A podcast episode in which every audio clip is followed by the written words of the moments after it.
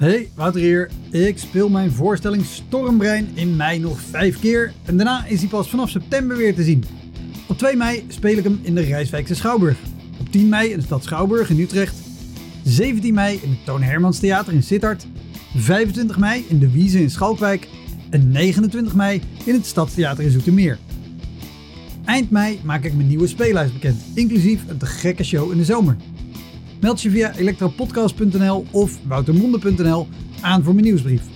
Dan weet je als eerste waar en wanneer ik te zien ben.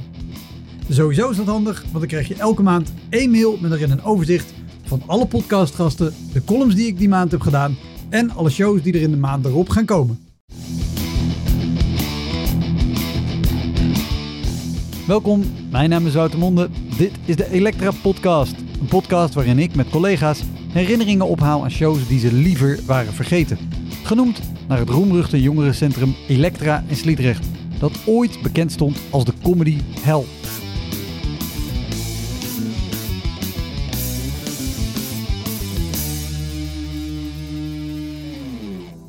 Harry Glotsbach is deze keer te gast. Harry is een echte clubcomedian en hij speelt al 20 jaar op comedy shows in heel Nederland. Ook treedt hij veel op voor bedrijven. Weet je, de, de teleurstelling is zo diep en zo groot en zo heftig en zo intens en je neemt het zo persoonlijk. Dat is eigenlijk bijna niet te doen. Weet je nog die reclames van Holland Casino met volkszanger Barry die telkens grote hits afslaat? Hey buddy, dit wordt hem. Kon ik maar even bij... Even bij je zijn, veel pijn. Dat is echt ruimel en rij van het niveau ik ben visie, man. Nou, Harry was Barry. Heel veel plezier. Dit is de Elektra Podcast met Harry Glotsbach.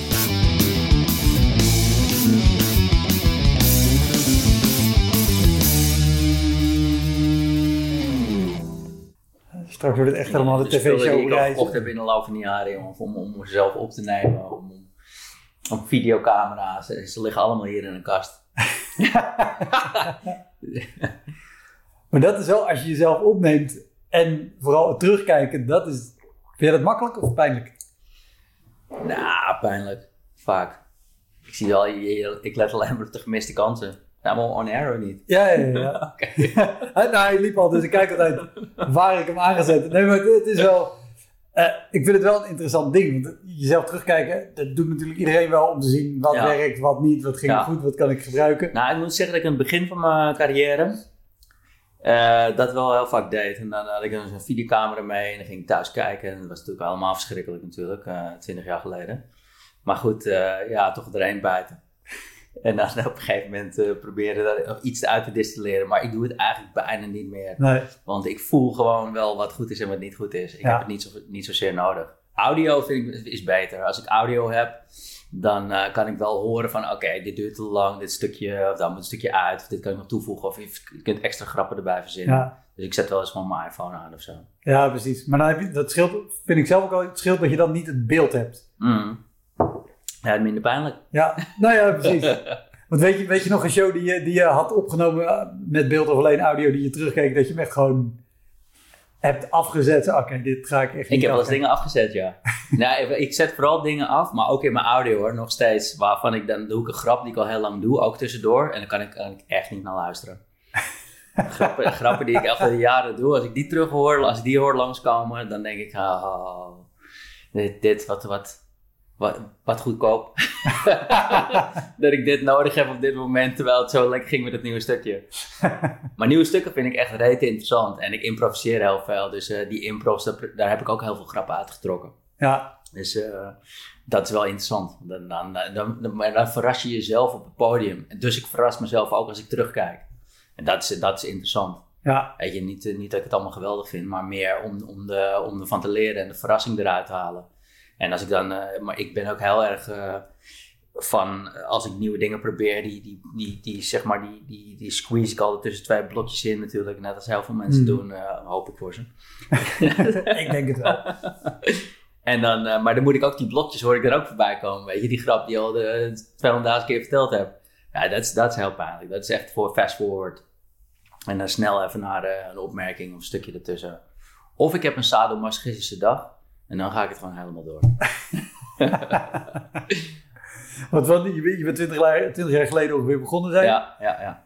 We- Weet, weet je daar een show van die je misschien niet hebt opgenomen en dat je wegging en dacht, heel blij dat ik dit niet terug hoef te gaan kijken? Nee, toen dacht ik dat zeker niet. Nee joh, nee joh. Ik dacht helemaal gelijk eh, dat het allemaal goed was. Was dat het? nee, nee, want ik, ik weet nog wel, ik, ik ben echt begonnen door mee te doen aan, een, eh, aan de Lucky Strike Comedy Tour. Had ik echt letterlijk drie keer op een podium gestaan of zo. Eh, Ik ben ooit begonnen in een workshop die werd gegeven door Tom Slichting. En toen stond ik dezelfde avond op het podium. En dat ging niet heel slecht, werd mij verteld. Sterker nog, er was een soort radiostation in de zaal, eh, 3FM of zo. Die zei, oh, kunnen we wat leuks doen een keertje? Dus te- kennelijk heb ik daar wel iets... eh, maar goed, dat is de, de verrassing van de eerste keer. Ja, Weet je, dat, is, dat gaat altijd goed. En dan- daarna, dan komt de waarheid. En dan gaat het niet zo goed. Dan heb ik hetzelfde, want het ging, het ging hem zo slecht na, na, na, na vier, vijf keer. Ik dacht van, oké, dit is wel eh, was een leuke poging. Toen heb ik het ook echt een half jaar weggezet. Het comedy. Toen ben ik weer naar het buitenland gegaan. En eh, een paar maanden in Frankrijk gezeten. En eh gesurfd en alles. En toen ik terugkwam was er de Lucky Strike Comedy Tour. En toen heb ik me wel over, over laten halen om daar dan toch wel aan mee te doen. Dus ging ik pakken mee met die voorrondes en zo. Nou, dat ging, dat ging eigenlijk best wel weer. En toen eh, kreeg ik ook wel een beetje coaching van, van mensen die destijds... eh, er was echt in die tijd ook heel veel behoefte aan nieuwe comedians. Dat moet ik wel zeggen.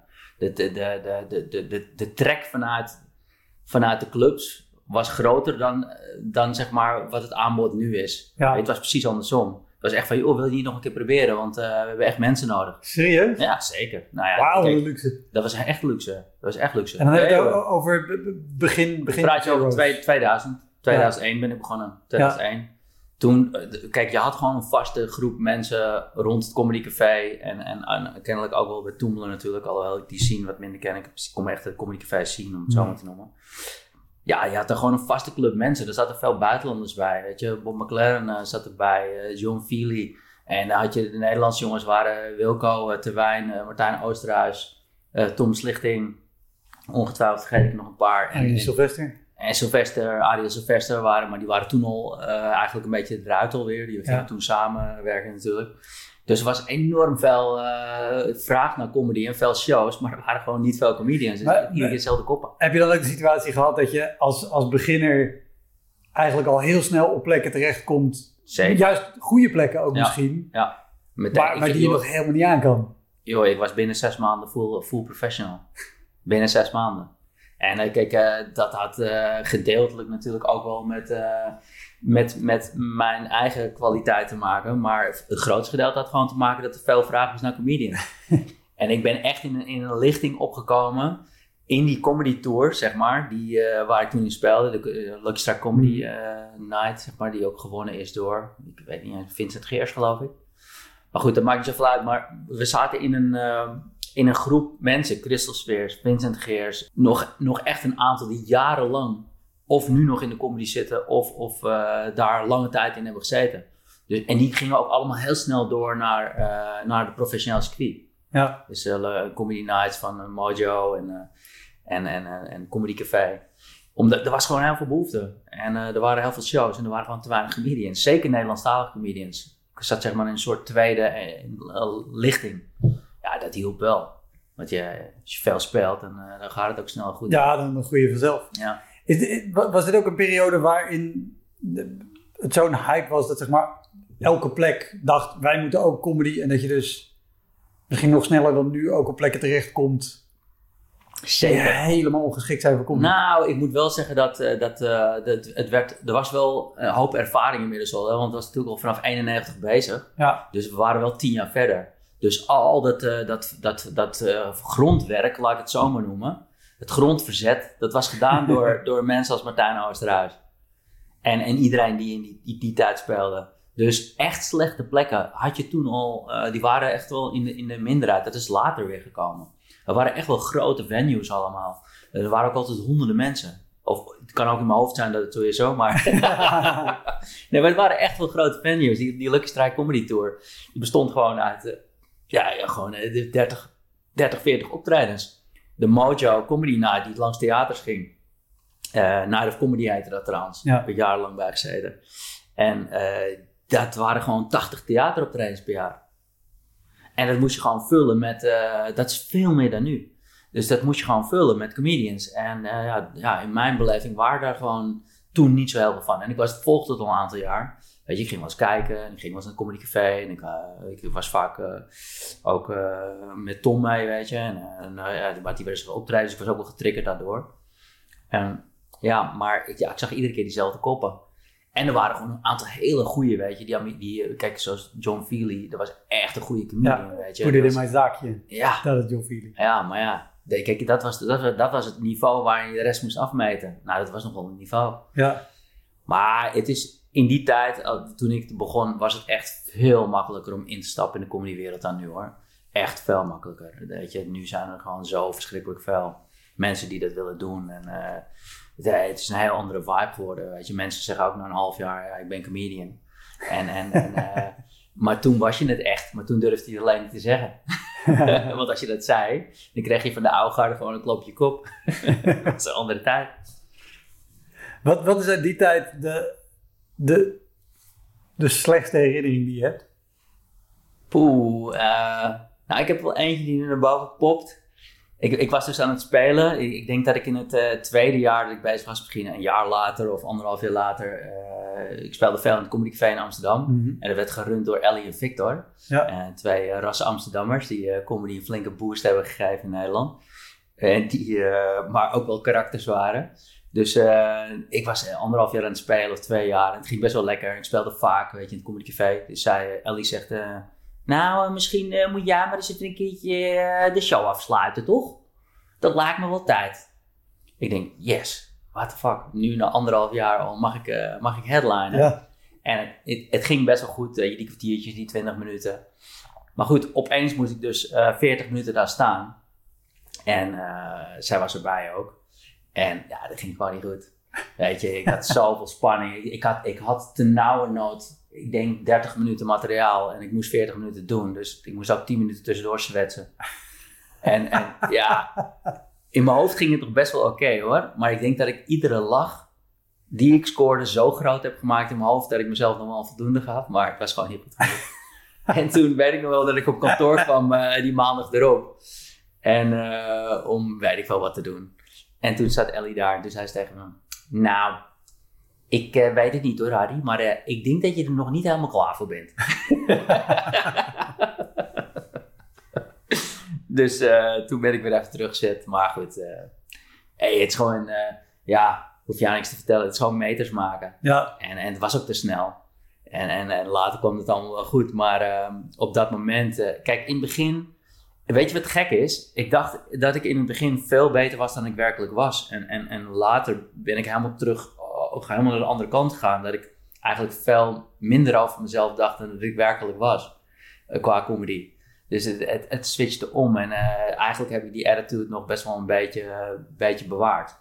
Maar dan, dan in zo'n beginperiode, als je, als je zegt, weet je, ik, heb elke lach zo groot gemaakt dat ik nog wel voldoende had. Ja, En, en, en je bent van jezelf overtuigd dat het gewoon lekker gaat. ja. Maar dan heb je zo'n ervaring.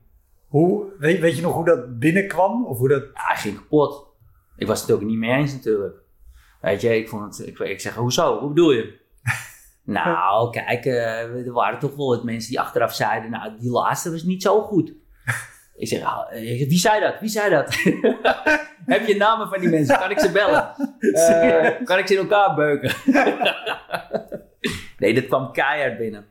Ik weet nog wel dat ik een, een jaartje op die, eh, die Night of Comedy Tour zat. Of, of nee, de andere tour, de Lucky Strike Tour. En toen zei Victor... En ik speelde echt gewoon van de 50 keer dat het land in gingen... 25 keer. Echt te veel ook. Maar ik was Ja. gewoon nieuw keer aan de blok. En ik was een Amsterdammer. Daar hadden ze er ook niet zoveel van. Dus ik bracht ook een beetje een nieuw, eh, nieuw geluid, zeg maar. Dat eh, kan me wel goed herinneren. En ehm, dus ja, ik werd gewoon super vaak geboekt. En ook in, maar, op, maar ja, op een gegeven moment ben je niet meer de nieuwe keer aan de blok. Dus na een jaar of twee jaar, dat weet ik niet meer zo goed. Toen opeens had ik van die 50 optredens die er waren, had ik er nog maar eh, vijf. Ja, toen stortte ook mijn wereld in. Toen dacht ik, hè, ik ben alleen maar beter geworden. Maar ik krijg veel minder optredens. Wat is hier aan de hand? Ja, dat was een tweede moment dat ik dacht van, holy shit. Dit, deze business is toch wel, is best wel hard. Ja. Want kijk, ik was ook echt beter geworden. Alleen ik kreeg wel minder optredens, maar ik was gewoon niet meer de nieuwe keer aan de blok. En waarschijnlijk was er ook een nieuw, nieuw kit Er was een nieuw, nieuwe keer aan de blok. Die vaak mee moest. En uh, nou, er werd gezegd, nou, jouw kans komt nog wel. maar ja, ja, dat zijn wel momenten die... Uh, dat, dat, je, dat, je, dat je droom even, of je zeepbel even uit elkaar wordt uh, gesplatcht. Ja. En, maar goed, alleen maar goed achteraf. Want dat maakt ook dat je terug gaat naar de tekentafel en denkt van ja, wacht eens even, ik moet even laten zien wat ik wel kan of zo. Ja. En ja, dat, ja, je kunt daarop afhaken. Ik, zie, ik heb mensen, je, honderden mensen zien afhaken natuurlijk een comedy in de loop van de jaren die, die, die tegen de eerste muur oplopen.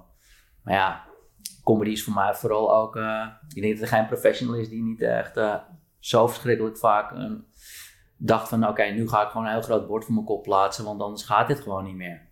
Weet je, de, de teleurstelling is zo diep en zo groot en zo heftig en zo intens en je neemt het zo persoonlijk dat is eigenlijk bijna niet te doen. En, en je kunt niet, soms niet anders dan jezelf ook daar een beetje voor afsluiten. En gewoon denken van ja, maar ik moet het gewoon beter doen. Of ik moet gewoon meer schrijven. Of ik moet mezelf meer opnemen. Of ik moet met die gaan werken. Of ik moet met hem gaan kletsen. Weet je, wij hebben ook wel eens zitten jammen, weet je. En dan, uh, ja, dat, dat, dat is toch de manier om, om, daar, uh, om, ja. om daar door uit te komen. Want de teleurstelling is gewoon, het is heel veel teleurstelling. Ik kan niet anders zeggen. dat is absoluut waar. Ik zou ja. Keihard liefde als ik te zeggen dat het niet waar was. Nee. Maar, maar in, in, in, in zo'n periode, hoe, weet je, zeker als je net zo'n teleurstelling hebt gehad of net zo'n klap, of dat je Weet je, je krijgt zo'n zo'n zo'n speellijst binnen. Je ziet je eigen naam maar vijf keer. En de, nieuwe naam staat er ja. twintig keer op. Ja, letterlijk wat er gebeurde. Ja, ik, ik ken het. Uh, hoe, hoe, hoe laat je jezelf, of hoe laadde je jezelf toen op om dan toch weer... Nou, ik ben wel ambitieus. Ik ben wel fanatiek. Dus uh, ten eerste ging natuurlijk uh, de mensen opbellen die dat veroorzaakt hadden. Hoezo? Uh, nou, dat hielp niet. en ik kwam er gewoon op een gegeven moment achter dat wat wel helpt, is gewoon de momenten die je hebt echt funny zijn. Dat is de enige reden waarom mensen je willen. Was het funny of niet? Al die andere bullshit is ook letterlijk bullshit. Weet je, ben je funny, dan komen mensen vanzelf weer bij je uit. Ja. En dat is de belangrijkste les. Dus, en, en hoe kan je funny zijn? Nou ja, goed, daar, kunnen we, daar kun je dagenlang over praten. Dat is natuurlijk een heel proces. En, en, en comedy maken is, is verdomd moeilijk. Maar goed, als je uiteindelijk het resultaat is dat je funny bent, dan kunnen ze gewoon niet om je heen. Ja. En daar moet, je, daar moet je voor zorgen dat dat zo is. Weet je, het is veel meer dat. Weet je, ik zie ook mensen wel zeggen van, ja, ja ze willen me niet of ze, ze, ze, ze pikken mijn stijl niet. Er is geen enkele boeker die zo denkt. Een boeker denkt alleen maar, en ik heb zelf ook shows geboekt, en dan, en dan kijk ik vanaf de andere kant. En dan denk ik bij mezelf, gaat deze gast of deze dame de zaal aan het lachen maken of niet? Ja. Dat is de enige vraag die ik stel. En het is de enige vraag die elke boeker stelt. In, nou ja, ze zullen misschien ook wel wat andere vragen hebben. Er zal hier en daar wel wat gunfactoren zijn. Maar uiteindelijk wil je toch gewoon dat het een goede show is. Ja. Dus je vraagt gewoon die persoon die, die, waar je het meest vertrouwt, die de zaal uh, aan, aan de gang krijgt. Maar ja, als je, als je het bekijkt vanuit comedian, en zeker als je bijvoorbeeld zo beginnend bent, en je, gaat, je zou het zo bekijken, en je gaat dus de vraag stellen, ben ik funny genoeg om geboekt te worden? En je zou voor jezelf moeten concluderen dat het antwoord nee is. Ja, nou, kan ook. Dan Ja. is het een hele harde conclusie, want dat betekent dat wat je aan het doen bent, Ja, gewoon niet. Nou, dat geldt ook voor ontzettend veel mensen. Da- daarom zijn er toch ook in al die jaren zoveel mensen afgevallen. Ja, We, we hebben er toch honderden zien komen en gaan. absoluut. Nee, bedoel, denk, denk, je dat dat ook de reden is dat heel veel comedians het veel liever zoeken in excuses als ze moeten me niet om mijn materiaal, mijn haarkleur, mijn huidskleur, mijn Alles geslacht, al gehoord. alle excuses, al, Ja. elk excuus behalve Ja, ja, Het is gewoon niet grappig gaat. genoeg. Nee, het is niet grappig genoeg. Maar dat is het enige het om draait. Weet je, de rest is allemaal eh, indekken, je kop in het zand. Of eh, te- ook tegenover jezelf vooral. Hè? Van ja, onterecht en die, gaat, eh, die doet nu dit. En eh, daar, ik ben grappiger, daar ik moeten staan. Maar dat soort gedachten zijn allemaal destructief. ja, En heel negatief. En dan kun je enorm frustreren. Weet je, dat is ook in theaterland zo. Potverdorie, ik heb maar 30 optredens eh, dit jaar en, eh en Henkie heeft er, heeft er 50. Nou, ik heb vorig jaar al met hem gespeeld, ik speelde hem helemaal gek. Ja, dat, dat, dat, natuurlijk heb ik die gedachten ook gehad. En het kan ook niet anders en het is ook een menselijke trek. Maar uiteindelijk is het natuurlijk niet de oplossing of niet waar het om draait. Uiteindelijk draait het alleen maar om jezelf. Weet je, moet zelf die kansen grijpen, je moet zelf vooral hard werken. Want dat is een ander misverstand in, in, uh, in theater of comedyland of wherever. Weet je, dat, dat, dat talent uh, misschien uh, genoeg zou zijn. Nou, er zijn zoveel comedians die, die jarenlang struggelen en opeens vinden ze het en bam. Ze zijn super funny. En ze hebben de tijd erin gestoken. En het is gewoon 80, 90 procent gewoon hard werken. Ja. Ja. Absoluut waar. en uh, de teleurstelling uh, doorstaan. en dan af en toe weer de zaal uit lachen maken. En je, wat, wat, je wel leert in de loop van de tijd is veel beter lachen op zijn waarde beoordelen. Dus uh, in het begin denk je dat elke lach telt. Weet je, dan, maar ja, het is ook een kwaliteit van een lach. Weet je, is dit, is dit iets wat ik echt diep vanuit mezelf komt en echt wat ik echt wil vertellen en is het origineel? En, en dan krijg je daar een lach op. Dat is een veel meer betekenisvolle lach dan dat ik iets clichématig zeg waarvan ik weet dat ze ook wel aangaan. En, en die, die lat moet je steeds meer die Ja. richting opleggen. Nou ja, dat is natuurlijk het, het verschil tussen gewoon moppen, Ja, opdraven, Ja. opdragen of ja je eigen materiaal en vanuit je eigen belevingswereld dingen vertellen. heel extreem gesteld, moppen opdragen, Ja. maar ik weet wat je bedoelt. Ja, nee, maar de- Ja. eh, gewoon makkelijke grappen die, die iedereen... Nou, ik weet als ik bijvoorbeeld eh, op het podium sta, maar onafhankelijk van het materiaal, als ik plotseling eh, iets heel hard zeg, dan gaan mensen lachen. Maar het gaat niet om wat ik zeg, het gaat erom het effect wat ik daarmee bereik. Dus dat kun je doen, dat kun je één keer doen. Maar goed, dat is niks, dat is niet een in- intrinsieke lach. Het, is, het, is, het is een. En die, moet je soms ook hebben. Hè? Soms moet je ook, eh, ik bedoel, je moet, als er één is wat je moet zijn, is flexibel zijn op het podium. En, gewoon doen wat er, wat er gevraagd aan je is. En dus die mensen aan het lachen maken. Maar het liefst doe je dat natuurlijk vanuit een, eh, een beetje integer materiaal waar je echt achter staat. Wat je zelf helemaal hebt bedacht. Wat je, wa- wat je ook meent. Ja.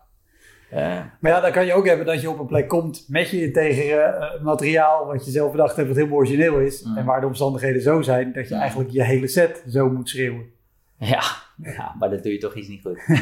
Nee, maar ik bedoel, je, je hebt ongetwijfeld ook de shows gehad op festivals of... weet ik Ja, nee, zijn slechte omstandigheden. Ja, maar kijk, ik ga, alles wat ik zeg, ga ik even uit van goede omstandigheden. Als we het hier gaan hebben over slechte omstandigheden, dan, eh, dan kan ik het ken ik er nog een paar. Ja, wat- wat, zijn de slechtste omstandigheden die jij hebt gehad? Nou, nou, ik stond afgelopen jaar nog op Zwarte Cross. En eh, dat is een fantastisch festival. En ik heb daar al, al drie, vier keer eerder had ik daar gestaan. En, maar dit jaar hadden ze bedacht dat eh, de, de, de lachbar, of De ook schaterbar. de schaterbar, die moest tussen het Hard Rock Café, dat was gewoon met een, een, een letterlijk een houten wandje van, van drie centimeter. Eh, daar was Hard Rock de hele dag. En wij zaten er tussenin de schaterbar. En eh, aan, de andere kant was een soort eh, house, eh, trafo, gay, eh, LHBT eh, community-achtige houseparty de hele dag gaande. Met de meeste interessante figuren.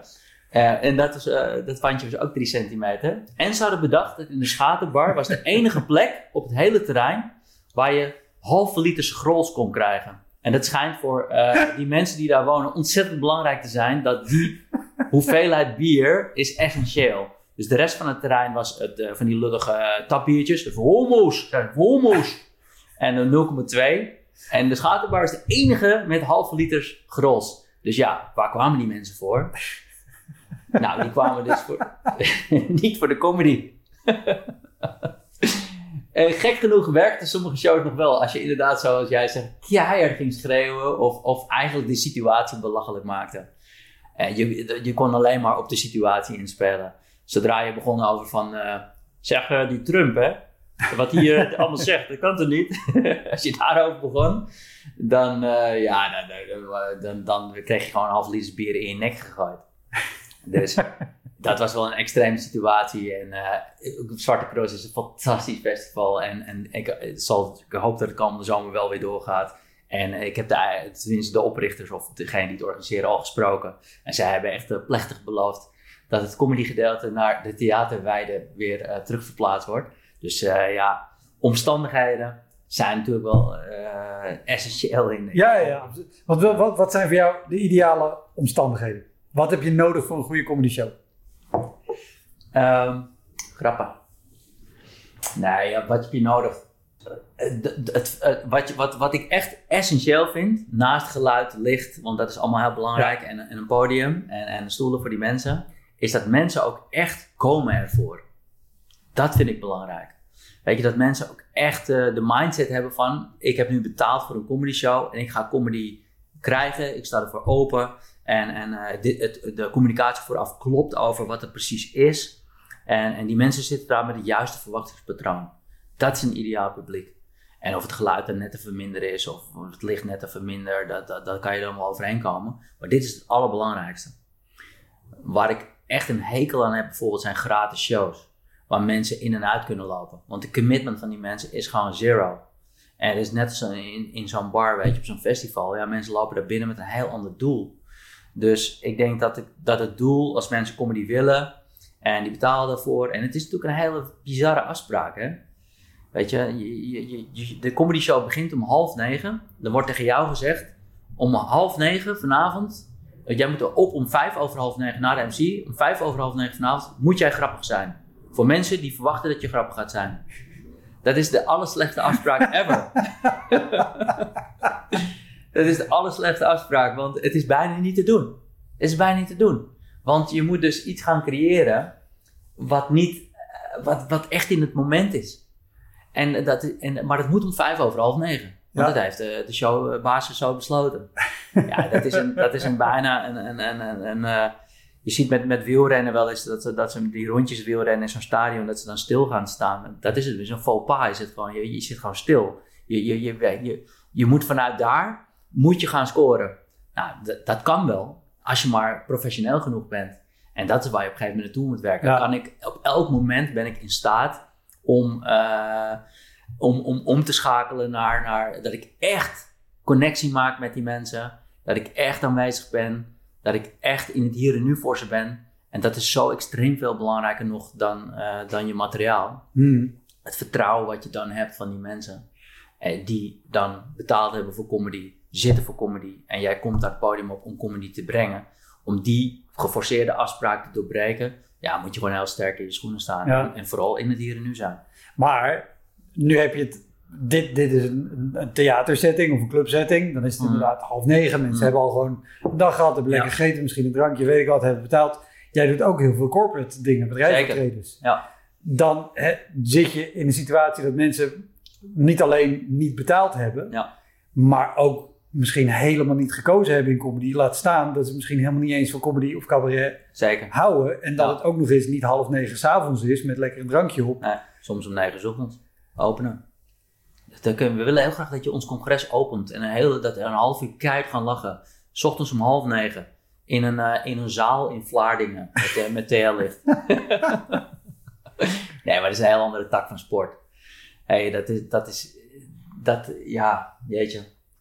Dat is echt een ander, je vergelijkt nu echt gewoon eh, hockey met, met voetbal. Ja, Het is gewoon totaal niet zo dat als jij bedreven bent in comedyclubs te spelen of theater te doen, dat je geschikt bent om een corporate gig te Want, doen. want, want voor, zeker voor, voor niet-comedians die luisteren, wat, wat, Mhm. wat is het, het grote verschil tussen... Ik ben het met je eens hoor, probeer- Mhm. het zijn hele Mhm. verschillende dingen. ja, Maar wat, wat maakt dat het een zo anders is dan het ander? Want ik denk waarop het ook vaak fout gaat, vanuit bijvoorbeeld een organisatie, mm, is dat die dus niet eh, het besef hebben dat het twee hele verschillende dingen zijn. Ja. En die zien jou misschien een keer in een theater of in Ja. een club of zien comedy op tv Ja. en denken, oh dat is leuk. Ja. Wij hebben een congres over een heel saai onderwerp. ja, Dan doen we een half uurtje van dat hele leuke wat ik heb gezien erachteraan. ja. En dan gaat iedereen de deur uit Ja. met de gedachte dat ze een topdag hebben gehad. Nee, maar die, die grappen over je schoonmoeder gaan nou niet werken. dat, is, dat is het eerste. Dus kijk, het gaat sowieso altijd over maatwerk. Dus je zult moeten verdiepen in het onderwerp. Je moet wel weten wie er zitten en waar het over gaat en waar ze mee struggelen. En, en wat de pro- kernproblemen zijn. En, en, en dan moet je nog eens flippen en jouw eh, visie erop geven op een humorvolle manier. Dat is gewoon heel moeilijk. Maar kijk, je gaf zelf al een aantal antwoorden op deze. Hoor, want eh, het gaat erover dat die, ook die mensen als, als, als, als professional moet je proberen om eh, de situatie zo te maken dat het verwachtingspatroon van die mensen wel enigszins die richting in gaat. Daar kun je heel veel aan doen. Dus het is niet alleen maar eh opkomen dagen en je dingetje doen en weer weg bij, bij zo'n congres. Nee, ik zal echt in de slag moeten met die mensen van, hey, ik denk dat het handig is dat jullie me op dit, die, dat en dat tijdslot zetten. Of ik denk dat het handig is dat je je me laat aankondigen door de, door de directeur. Want dan heb ik in ieder geval al credits vanuit de directeur. En dan ga ik ook nog eens met die directeur een 10 minuten om tafel zitten. Vertellen hoe die het precies moet doen. Het gaat echt over twee zinnetjes, hè, maar dat is essentieel voor Ja. mij. Dan weet ik ook precies waar, wat voor mensen daar in de zaal zitten. Ik doe alsof ik dat niet weet, maar ik weet het donders goed. Er zit dagenlang voorbereiding in. En het, is precies in die voorbereiding, daar, zit- dat, daar zit het Mhm. verschil. Dus als jij zegt van, ja, je, maar je bent toch een grappige dude, je bent een comedian, dus je kan ook wel even een congres met de 800 eh, eh, artsen eh dat lachen maken. Eh, nee. Nee, daar, daar zit gewoon, hey, dat, is, dat zijn twee verschillende werelden. Gaat, gaat, maar echt, eh, het, over- de overeenkomst is wel dat je verbinding moet maken met die zaal. Ja, En, en, en als het goed is, beheers je als comedian die basisskill. Anders ben je geen comedian, want dan, dan, klopt het niet. nee. Dus eh, als je daarvan uitgaat, maar, en dan, maar vervolgens moet je de vraag stellen: hoe ga ik die verbinding tot stand brengen? Dat doe je niet met, je- met je grappen over, over Trump of over, over je, je leeftijd of, of over seks. Ik zal grappen moeten maken op dat artsencongres over eh, de nieuwste medicijnen die hier op de markt zijn. Ik zal grappen moeten maken over eh, de manier van werken met elkaar in het ziekenhuis. Ik, eh, de- het nieuwe protocol of het nieuwe IT-systeem waarmee ze moeten werken sinds kort. En daar moet ik me in verdiepen. En dat gaat met voorgesprekken, dat Ja. gaat met... eh, het, is een hele, het, is, het is heel arbeidsintensief. Ik doe het heel graag. Het betaalt goed, althans tot eh, een maand of acht geleden. Het is nu totaal op zijn gat natuurlijk, die hele event business. Maar er komt online wel hier en daar wel wat los af en toe. Maar goed, daar ben ik ook weer niet zo van. Dus eh, Maar dit, dit is denk ik, kijk, hier, hier groei je ook in. mhm. En in, in, in leren inderdaad hoe je, zo'n, hoe je die voorgesprekken doet, welke informatie je moet hebben, Ja. hoe het dit moet zijn. Maar wat ik interessant vond, dat je zei, zo'n directeur die moet je ook gewoon goed instrueren om Zeker. je aan te kondigen, want het zijn maar twee zinnen. ja. Dit het doet mij zomaar vermoeden dat dit bij jou ook al wel gruwelijk mis is Ja, jongen, hoe, hoe ik aangekomen ben in mijn leven op congressen. Het meest bizarre die ik ooit een keer had was voor de BOVAG. Het was best wel een grote eventcenter. Ik denk dat er gewoon 1500 man zaten. Allemaal leden van de BOVAG. Allemaal garagehouders. En, en, en weet ik veel, allemaal mensen die, die daar een lidmaatschap hebben. En eh, toen was er voor mij, was er een of andere vent van het bestuur van de BOVAG. Maar die was het kennelijk ergens niet mee eens wat er afgelopen jaar bij de BOVAG was gebeurd. En die ging helemaal uit zijn plaat. Het is schandalig. Zoals de BOVAG zich nu opstelt richting de leden. Bij deze gooi ik mijn lidmaatschap weg. Ik wil het niet meer. Ik wil geen lid meer eh, zijn van een club die fascistische trekken vertoont. Ik ben weg hier. Klunk. En toen kwam de, eh, zeg maar de dagmoderator het podium op. Die pakte de microfoon. Ehm, ja, dat was interessant. Ehm, dan krijgen we nu een stukje humor met Henk Glasbak. En, en ik stond in die coulissen. Ik dacht, oké, hier moet wel even een kleine energiewissel eh, plaatsvinden. en toen eh, kwam ik op en toen zei hij, toen, ik zei iets van, nou, ik heb mijn vader wel eens rustiger gezien. of zoiets, ik weet het niet. Iets om die zaal te ontspannen, weet je. Het gaat uiteindelijk ook de, allemaal of je die energie wel of niet eh, kan, kan omturnen naar jou toe. Ja, En, en ik moet er even in blijven, ik moet het benoemen. Maar goed, dat is het oninteressante gedeelte. Op een gegeven moment leer je wel hoe je dat moet doen. Dus dat is al een van de dingen met, met, met bedrijfsvertreders of totaal bizarre situaties. Er, is altijd wel een manier om het om te draaien, mits je maar in tune bent met die situatie. En als je de energie maar oppakt. Dat, dat sowieso. Maar goed, dat, Ja. dat zijn, het zijn allemaal dingen. En dat, dat is ook de reden dat ik deze podcast vaak begin met de vraag... wanneer ben je begonnen of hoe lang speel je of Ja. wanneer. Eh, het zijn natuurlijk allemaal dingen die je gaandeweg leert. Ja, En comedy bij uitstek is een vak wat je gewoon leert met vallen en opstaan... En heel vaak op je bek gaan tot je weet... zeker. Maar, dus, maar daar moet je wel van leren en je moet het meenemen. Dus kijk, dit soort dingen gebeuren me niet meer zo vaak. Omdat ik gewoon vraag, oké, wie zit er voor me? Wat gaat er gebeuren? Dat weet ik. Ja, Dat weet ik. Wa- Waar, waar gaat degene naartoe lopen als hij afloopt? Eh, wie, wie kondigt mij aan? Op welk tijdstip gaat het gebeuren? Wat voor workshops zijn er daarvoor geweest? Waar komen die mensen vandaan? Weet ik veel, ik kan nogal 300 vragen, maar je denkt, je begrijpt ik Ja, bedoel. ja, ja. Je zult die details moeten, ergens in je hoofd moeten hebben. ja. En dan ben je in staat om die, om die zaal te binden. Eh, anders gaat het gewoon niet gebeuren. Ik heb ook heel vaak aangekondigd eh, in het verleden. Dan stond ik ergens in, eh, de hoek van zo'n congreszaal. Gewoon, eh, weet ik veel. hier in de RAI theaterzaal. Zo, duizend man erin. En staat er zo'n vent op het podium. Eh, van, van Horeca Nederland. Zegt van nou, om zeg maar de dag leuk af te sluiten, hebben we een, een, een grappige comedian uitgenodigd. Ik ken hem niet. Hij heet Harry Vlotsbach. Hij staat daar. Er waren vervolgens gewoon duizend man een hoofd omdraaien naar mij toe. Waardoor alles al weg. Ja. De hele vibe is al weg daardoor. En hij komt nu, eh, nou, kom maar.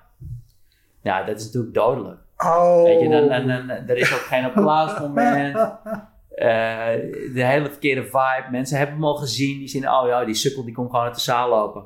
Weet je, dat, alleen dat al. Het hele theatrale effect is weg. Ja. Eh, ja, kijk. Als je dat een paar keer is overkomen, dan ben je wel een enorme sukkel als je daar natuurlijk niks aan doet. Ja. Dus ik heb dat tegenwoordig, stuur ik van tevoren al protocollen daarover, over hoe dat moet. Weet je, wat ik daarvan verwacht. En dan check ik het zelf ook nog eens een keer. En dan ga ik nog eens een keer met diegene praten. En dan geef ik hem gewoon aanwijzingen. Joh, zeg dit, zeg dat. Alles om die verwachting die richting op te trekken. Eh, en en eh, een hele belangrijke is, die tip geef ik hem even weg. Hoi, Wouter hier. Wist je dat er al meer dan 160 afleveringen van Elektra online staan? Dus het kan heel goed dat je net die aflevering hebt gemist met een comedian of cabaretier die jij echt helemaal te gek vindt. Op elektrapodcast.nl kan je makkelijk zoeken op de naam van de gast.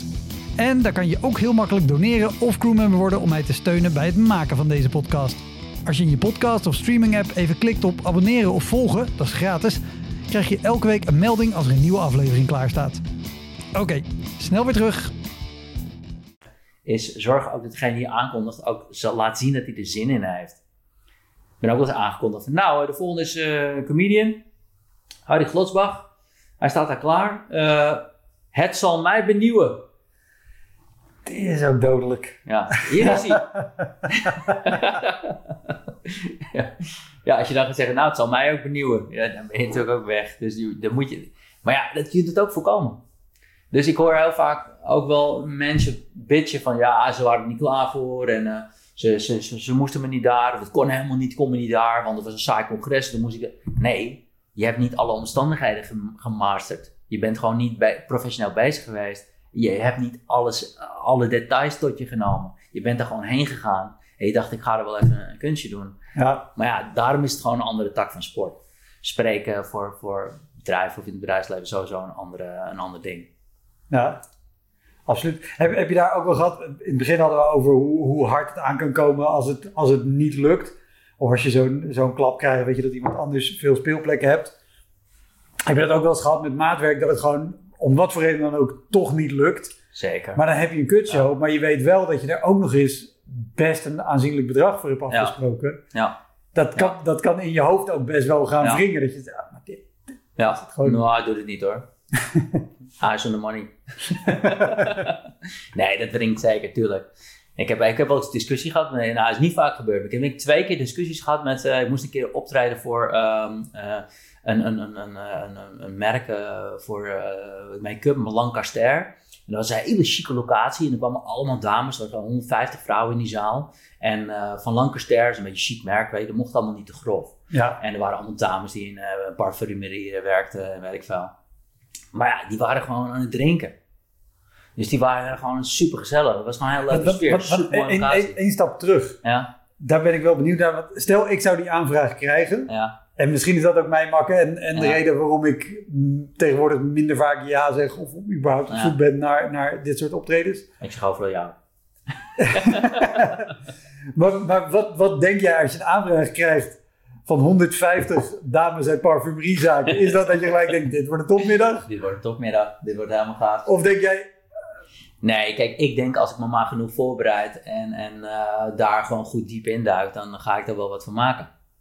En eh, je, moet ook verwachtingsmanagement bij jezelf bijstellen. Hè? Het is niet zo dat een congres altijd maar het dak eraf gaat. Maar kijk, dat is echt typisch zo'n comedy-gedachte. Het dak moet eraf. Het dak hoeft er helemaal niet Nee. af. Mensen willen gewoon, als ik een hele leuke beschouwing geef op een dag die daar geweest is. Ik doe heel veel wrap-ups. Dan ben ik de hele dag erbij. ja, En dan kijk ik al die workshops en dan ga ik naar al die plenaire sprekers en dan geef ik een samenvatting. En eh, het feit alleen omdat ik het samenvat is vaak al dat is de helft van de, de helft van de show. het hele Ja, ja. verhaal. Dat vinden opdrachtgevers prachtig. Die, zijn, die vind ik zelf dan ook hartstikke leuk om te doen. Ja, die zijn ook heel leuk. Juist omdat je zo... Het, is haast theatersport. Is het ook. Mensen Dat zien het voor hun ogen Totaal. gebeuren en weten, dit, Ja. dit kan je alleen maar weten door... Door hier aanwezig te zijn. zijn. Tuurlijk. Nee, maar mensen zien ook dat je die dag geschreven hebt. En, en dat, de, de- die waardering is er ook. En, en, en dat is hit en miss. En dat begrijpen die mensen dan ook. En, eh, dat, maar je- je moet ook niet het verwachting hebben. Het is geen comedycafé zaterdagavond, 120 man, Nee. kolkende zaal, iedereen aan het bier. Als je dat verwacht, dan eh, dat klopt ook niet. Nee. Het is een heel andere vibe. Gewoon goed ventileren in plaats van de dak eraf. Is ook al, eh, prima, ook tegenwoordig. Ja. maar goed, vij- 150 dames, Ja, een mooie 150, locatie. Mooie locatie, eh, het Witte Huis in, eh, weet ik veel, Ankerveen of weet ik veel hoe het daar heet. Loosdrechtse Plassen. En eh, super chic, al champagne natuurlijk, weet je. En dan natuurlijk eh, buitenkant. En, en, en luchtjes, en het stonk ook enorm. Eh, maar goed, eh, op een gegeven moment werd ik aangekondigd. En er was mij echt op mijn hart gedrukt door die opdrachtgever van tevoren. Hey, hou je een beetje in. Het is allemaal een beetje chic. Ze hebben een bepaalde uitstraling, Lancaster. En eh, het kan ook een heel ander merk geweest zijn ik noem dat even. Langkomen of zo. Eh, en en eh, ja, niet te grof en eh, niet, niet dit. Maar toen ging ik daar staan. Maar die, die vrouwen die waren gewoon losgeslagen. Die begonnen aan dingen te roepen en zo, weet je. En, eh hey, lekker ding. Of, eh, nou, is dit, is dit alles wat jullie hebben kunnen vinden? Of weet ik veel wat. En, ja, en, en ik ging daar gewoon op in. En toen, nou ja, ik heb eh, mijn comedy gedaan. En het, was, eh, het, ging, het ging goed. Ik maakte een connectie met ze. En het ging goed. En ik had grappen over parfum. En ik had grappen over, over, over die dames. En wat het is om als man alleen tegenover 150 dames te staan. Ik heb nog de vraag gesteld of dit uit ging draaien op groepseks. Nou, vonden ze ook allemaal leuk. Maar toen heb ik één keer heb ik in mijn show gezegd het woord ehm kutzooi of zo was het. Dus de, zoiets. Ja. Maar dat was totaal in de vibe van die, van die Ja. avond. Want je moet natuurlijk een beetje op je woorden Als je letten als zo je, als je corporates doet. Kan dat? Ja, het, het was niet Ja. erger dan dat. Ik weet Nee. niet of dat het exacte woord was, maar het was echt kutzooi of, of eh, godverdomme of, of, eh, of, eh, ja, volgens mij was het wel kutzooi. En toen, eh, maar echt, ik, ik, het was goed optreden, weet je. Ja. Eh, gewoon zoals wij zo mooi kunnen zeggen, ik, eh, ik rockte hem. En die dames vonden dat ook. En die eh, helemaal hilarisch. Nou, groot applaus. Ik ga af. Ik denk, wap, deze is in de tas. Ik stuur een factuur en het is helemaal goed. 24 uur later, opdrachtgever aan de lijn. Ja, we hebben een klacht van Lancaster ontvangen. Ik zeg, hé, klachten, hoe bedoel je dat? Ik dacht, heb ik iets verkeerd gedaan? Ik te vroeg weggegaan of weet ik wat? Het zal in ieder geval niet het optreden zijn. Ja, het gaat over het optreden. Ehm, even kijken hoor, wat hebben ze gezegd? Het staat hier, ja, totaal ongepast, eh, deze jongeman. Uh, volgens mij was ik toen al niet, zo jong meer ook.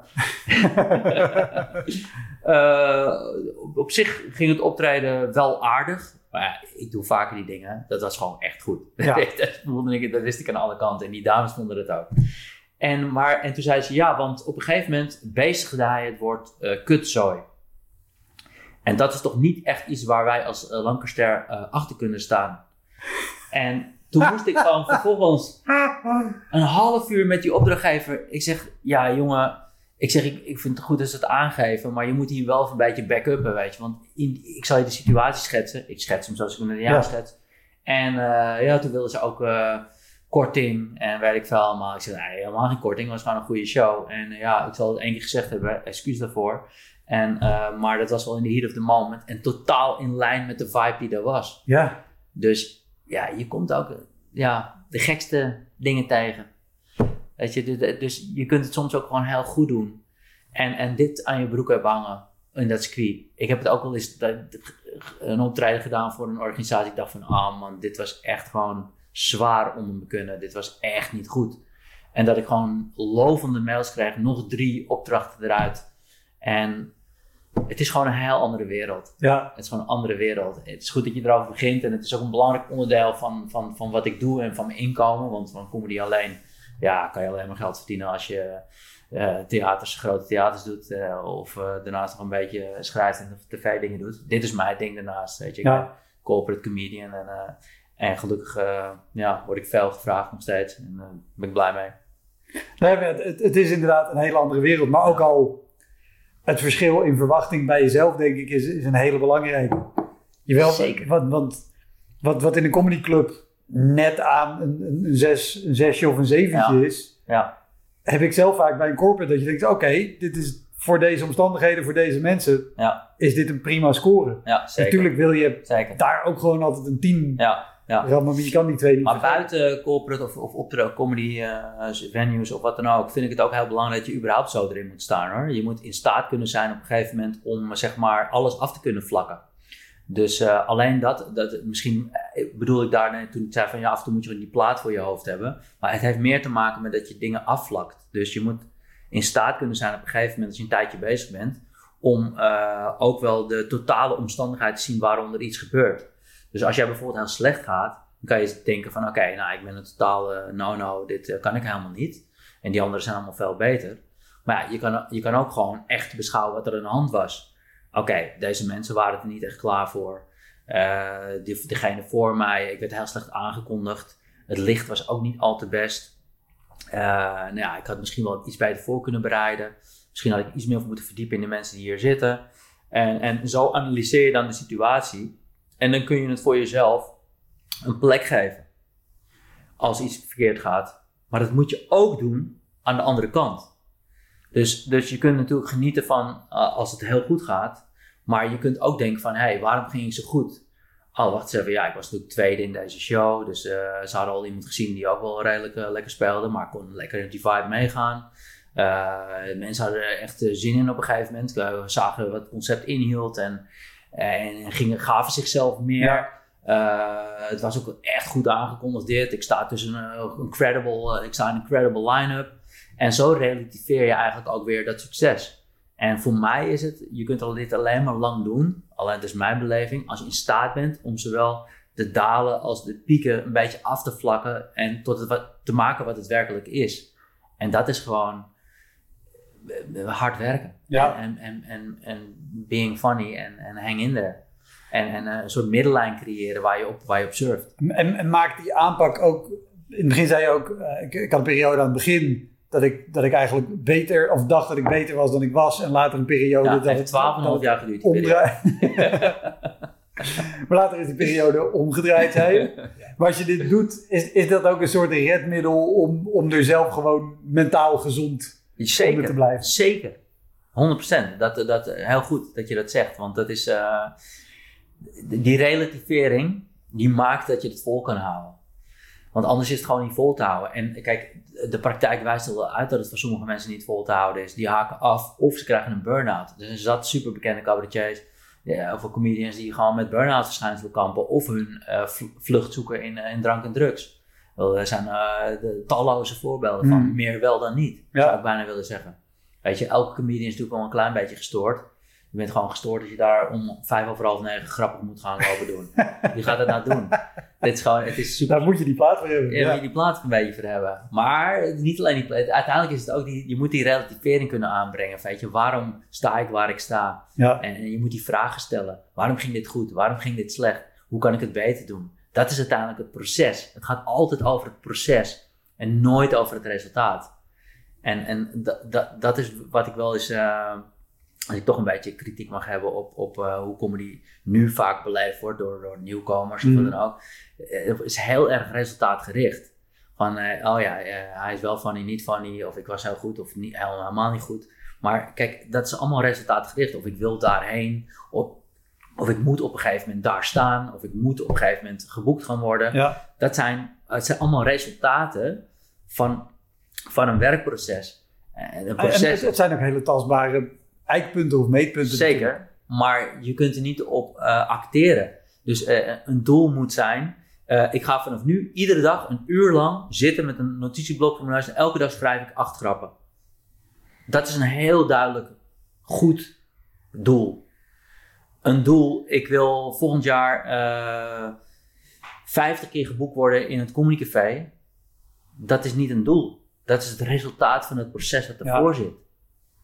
En, en dus heel vaak gaat het ook mis als je te veel met die doelen bezig bent. Want als die doelen niet gehaald worden, ik moet meer optredens of ik moet beter scoren dan, dan hem of, uh, of dan hij. Weet je, dat, dat, dat is altijd teleurstelling. Dat is altijd teleurstellend, want je gaat nooit die verwachtingen halen. Het heeft geen zin, je maakt jezelf alleen maar gek Ja. erbij.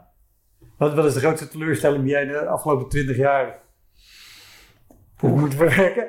Dat ik niet in Korea sta. Nog niet. Nee, nee, nee, ik ben heel erg tevreden. Want dat, is ook, dat vind ik een grote misvatting eh, misschien wel. eh, dat, eh, dat je zeg maar, die, die, dat geëikte pad, in, zeker in Nederland, van nou, dan ga je comedy doen.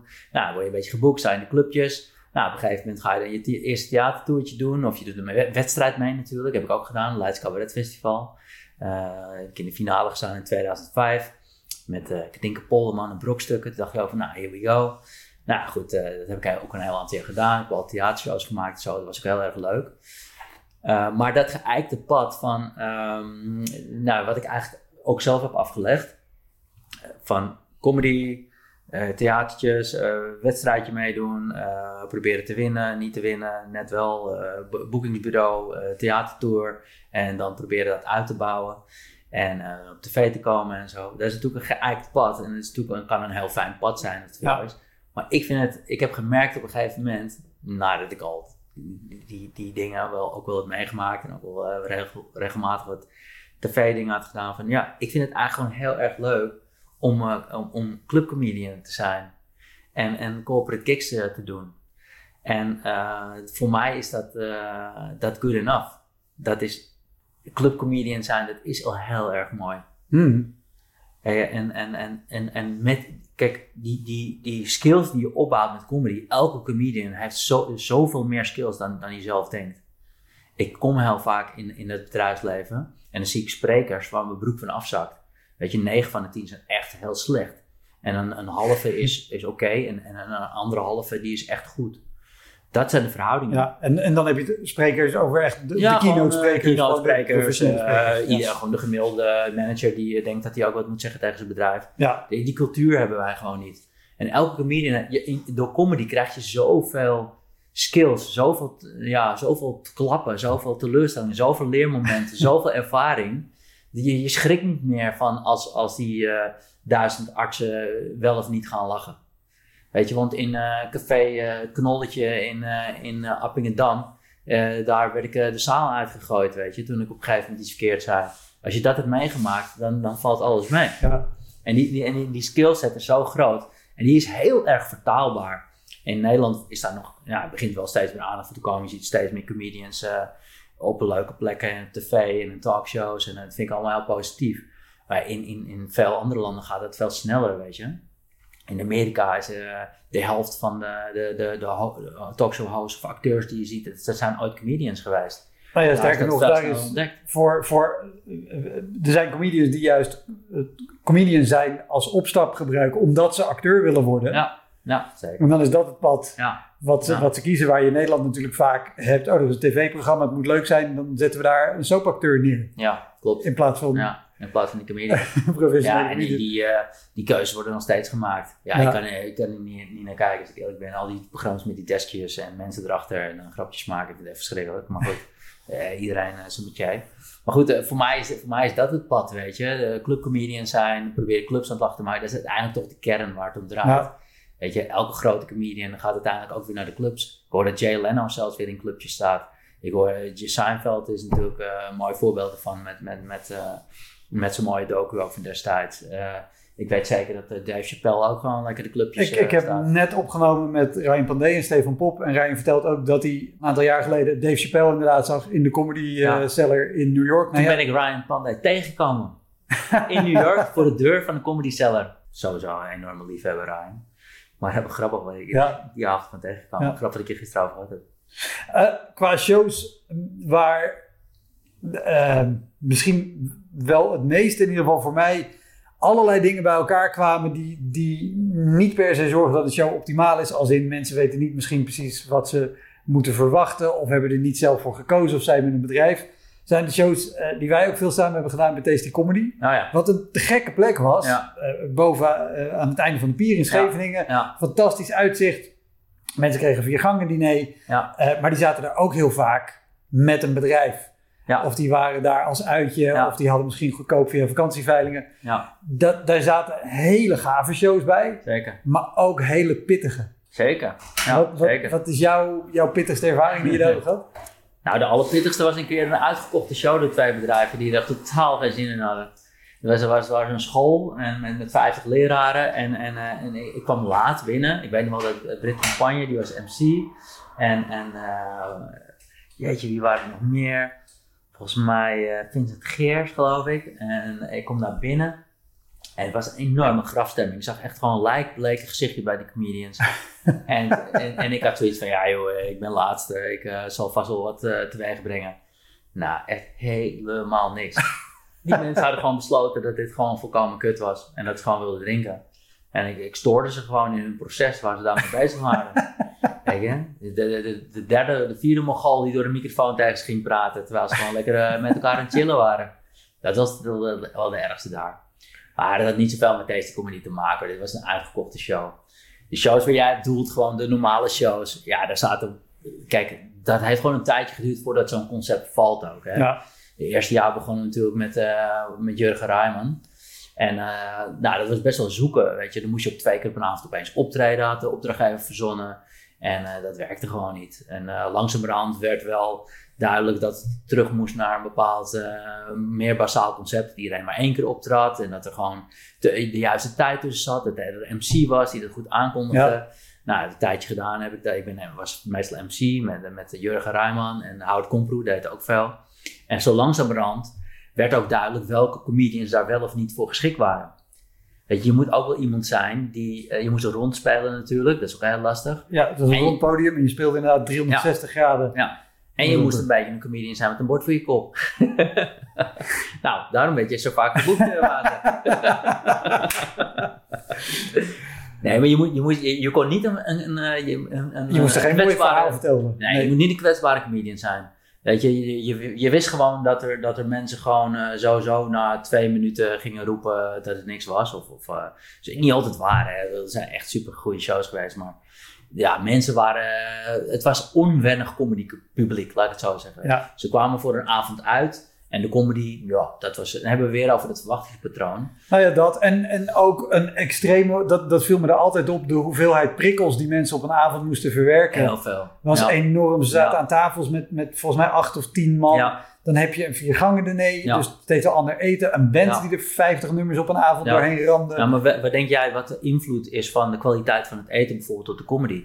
Wel als bepaalde onderdelen niet zo goed zijn, en het was op, de, op een gegeven moment was dat niet altijd meer even goed. Weet je, zeg ik gewoon eerlijk. Het was gewoon oké, maar het was zeker niet oké. En Nee. met eten is het sowieso heel discu- De ene vindt het fantastisch, de andere vindt het helemaal niks. Dus als mensen, als het niet zo goed is, als de zalm eh, niet helemaal vers is, dan zal de comedy ook wel kut zijn.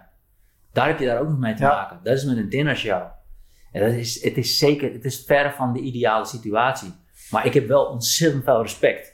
Je zag duidelijk wel wie daar wel of niet wel tegen opgewassen was. Ja. En het zegt niks over de kwaliteiten individueel van die mensen, want die kunnen in theater enorm goed zijn.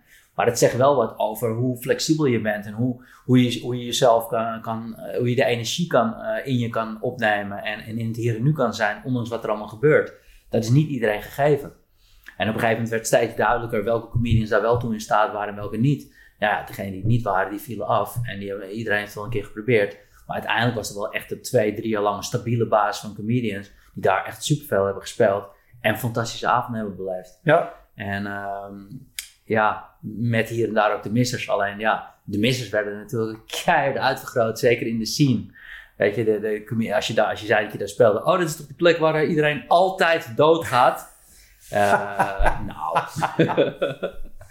ja, maar dat is ook natuurlijk wel zo'n plek en je onthoudt ofwel de hele leuke shows, ja, ofwel de hele tuurlijk. Heftige shows. Ja, En, en, en, en dat, dat is ook waarom ik er naar vraag. Kijk, in deze podcast draait natuurlijk om de hele heftige shows. ja. En ja, dat we er ook te gekke shows hebben gedaan met hele mooie zonsondergang. Ja, dat is leuk en aardig, maar daar gaat het niet om. gaat helemaal niet. Dit, dit gaat om de, de show die ik me herinner. 310 mensen, waarvan 290 van bedrijven. Oh ja. Dus ja, 20 ja, klopt. mensen hadden gewoon een kaartje gekocht uit vrije wil. En met een 290 man wilden gewoon bier Ja. drinken op kosten van de baas. Ja, ja, ja, klopt. En dan ben jij inderdaad de lul die er doorheen begint te Mm. tetteren. Ja, maar dat zijn verschrikkelijke shows.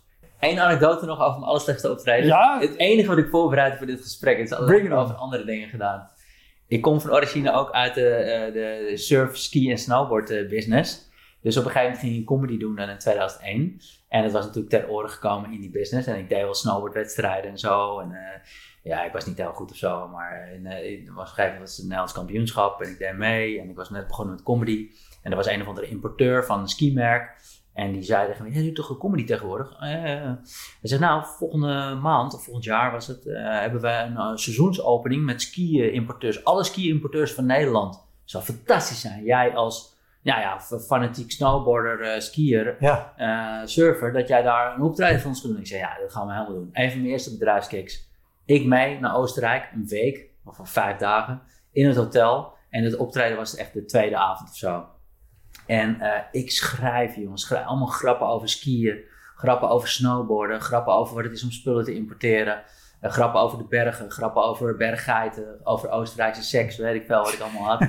maar veel te veel nieuwe dingen natuurlijk ook, wat ik helemaal niet toe in staat was. Dus, eh, maar met mijn goede gedrag naar die venue toe, waar het zou zijn, dat bleek een of andere ski, eh après-ski bar te zijn eh, in, in, in Zulden of zo. Maar met allemaal verschillende ruimtes. En er waren best veel mensen mee. Echt een 400 man of zo. Die hele, industrie was er. En ik kende de helft. Dus, dus ja, en iedereen wist dat ik ging optreden. Alleen het probleem was, in die zaal waar ik optrad, daar was maar ruimte voor 50 man. En die andere 350, die stonden in andere gedeeltes van, van de zaak, die allemaal verschillende ruimtes had. Maar de, degene die het organiseerde zei, ja, maar het geeft niet. Want we, we hebben de audio doorgeschakeld naar al die zalen. Ze horen je overal. Dus ik denk, nou, nou ja, goed, ja, niet ideaal. Maar dit moet gewoon kunnen, toch?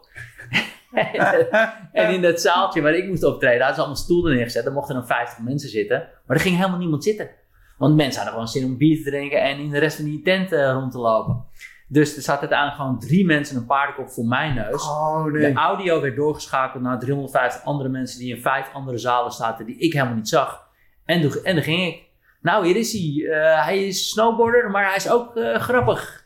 Harry Gladsbach. Nou, hier kwam ik op, jongen. Nou ja, echt vanaf mijn seconde één, jongen. Dat is echt... Maar ik dacht op een podium, het ging zo slecht, Wouter. Zo slecht.